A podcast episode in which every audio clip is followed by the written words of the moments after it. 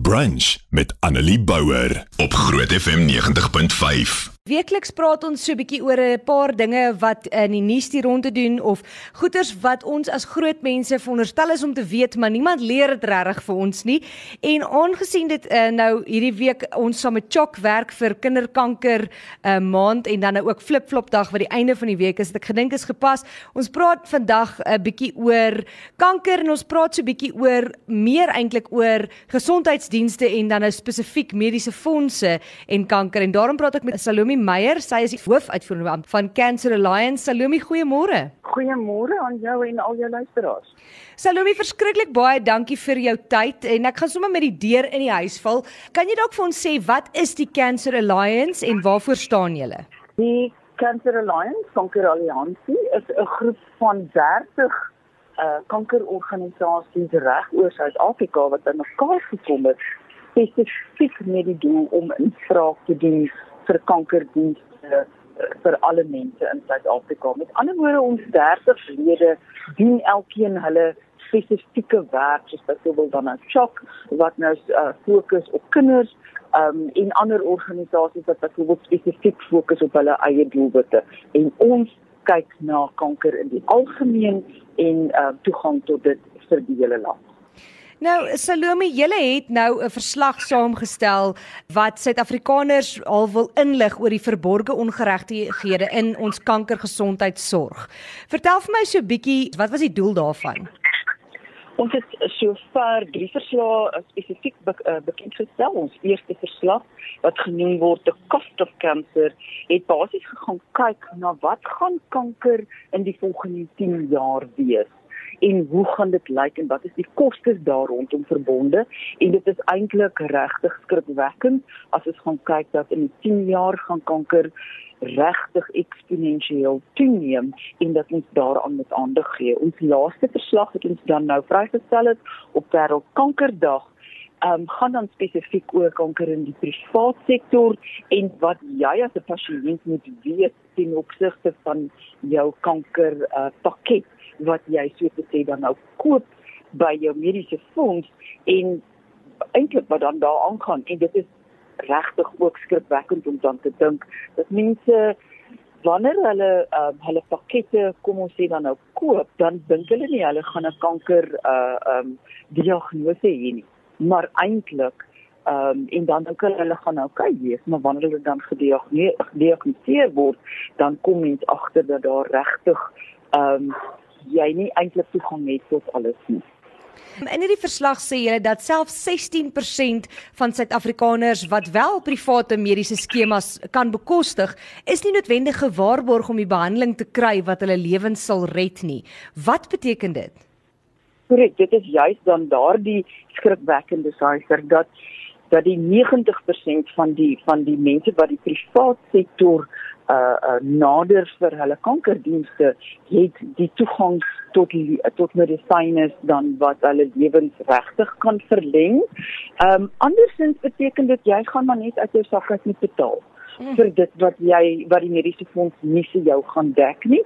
En ons het dan nou juist 'n verskeidenheid van voorbeelde van pasiënte wat uit hulle sak uit moet betaal, hulle huise moet verpand ehm um, jy weet by familie moet gaan gaan gaan aankoop vir hulp of dan ook uh hulle eie befondsingsprogramme moet probeer aan die gang sit net omdat hulle mediese fondse nie regtig daardie behandelings vir hulle behand, uh, uh, betaal nie.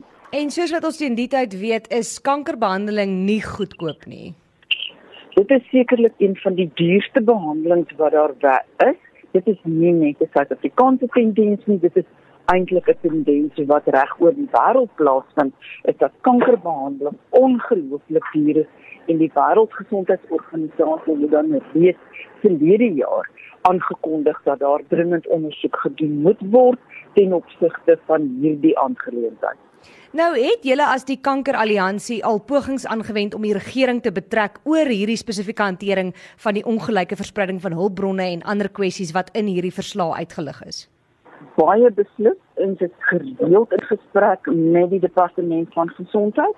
Maar ons is dan nou ook op die punt waar ons sê ons het nou lank genoeg gepraat oor die probleme Ons kan nie meer vergaderings hou om vergaderings te reël wat praat oor probleme nie. Dit het nou tyd geword dat ons wel gaan kyk na wat is oplossings vir hierdie probleme en daarom het ons op die kankeralliansie dan nou ook begin met die konsep van wat ons noem solution labs wat ons dan met spesifieke mense sal hou klein groeperings om te gaan kyk wat is die spesifieke oplossings wat ons kan voorstel en voorlê aan die departement van gesondheid om dan en ek gaan die Engelse term gebruik die wêreldgesondheidskankerdag se close the care gap so that we leave no one behind. En ons weet ook dat daar baie kankerorganisasies uh, is soos CHOC of Cancer of wat juis ook op hulle eie probeer altyd uh, as nie winsgewende organisasies geld in te samel om mense te help, maar dit is net nie genoeg nie. Die probleem word al hoe groter. So, wat dink jy moet gedoen word om hierdie probleme te bekamp? Dit is 'n uh, absolute feit is dit dat die nie regeringsorganisasies en juis daardie 30 Um, dit is, en dit is nie net uh, al 30 van ons lede nie, dit is ook al die organisasies wat nie ons lede is nie en daar's meer as 40 met ander woorde organisasies. Ons gaan gebuk op hierdie stadium van die wedstryd onder ongelooflike finansiële druk want die staat doen bitter min om ons te subsidieer. In feite, ons kry geen subsidie van die staat of nie. So met die gevolg is dit dat die ehm um, die kankerorganisasies is afhanklik van die publiek. Die algemene publiek om na uh, om befondsing te doen, om te kry. En wat gebeur het sedert COVID is is dat ons weet baie van ons mense is nou werkloos of het net minder geld en daar is ook nou ander probleme. So dit is van die van die uh harde feite wat ons in die gesig staar ten opsigte van kanker in Suid-Afrika. Ek wonder net as 'n mens dan nou in die privaat sektor aansoek doen sê net maar vir 'n mediese fonds en jy kyk na al hierdie tipe goeders, wat waarvoor moet mense uitkyk? Hoe weet jy of jy gedek is vir so iets of nie? Wat baie belangrik is is dat jy met 'n gesprek tree met jou mediese fonds om te om werklik seker te maak dat wat is daar binne in jou kankerpakket um wat word wel uh, uh betaal en wat word nie betaal nie. Um en ek dink pasiënte moet ook of mense moet eers uh, bewus wees daarvan dat alles wat vooraf gedoen word ten opsigte van jou diagnostisering van kanker kom dan gewoonlik uit jou gewone wil ek amper al sê mediese fonds gedeelte uit. Dit slegs wanneer jy gediagnoseer word wat dit dan wat jou kankerpakket dan intree. En dan behoort mense dan natuurlik baie belangrikste van die vra is indien ek argument soms alweer in die middel van die jaar gediagnoseer word, wat gaan die prosedure wees ten opsigte van my pakketverhoging? Kan ek dit doen? Wat kos dit? Want self daardie is baie belangrik dat mense moet weet wat gaan dit my kos as ek moet opgradeer? Kan ek dit bekostig? En as ek dit nie kan bekostig nie, wat gaan ek maak? En ek dink dis iets waaraan mense nie wil dink noodwendig nie, maar dit is tog wat versekerings is. Is juis om jou te verseker vir daai goeders waaraan jy nie dink nie, wat jy nie dink gaan gebeur nie, maar daai daai veringeval en dit is tog hoekom ons medies het. Dis heeltemal reg. Ons moet na dit gaan kyk Maar dit is dieselfde soos wat jou huisversekering is. Jy weet wanneer die dag, wanneer die dag jy dit nodig het en jy het dit nie dan sou sê jy as ek dit maar net gehad het. So mens moet regtig baie mooi gaan dink wanneer jy aansluit by 'n mediese fonds om seker te maak dat jy die regte mediese fonds het en dat ook jy 'n voldoende pakket sal hê om wel te gaan kyk na wat genoem word dread diseases. En vir my is dit baie belangrik om vir die jonger geslag te sê, jy weet wanneer jy begin met jou mediese fonds, dan dink jy nie noodwendig aan wat jy te klop ander uitgawes. So jy dink nie uiteindelik aan jy weet wat in die toekoms gaan voorlê nie.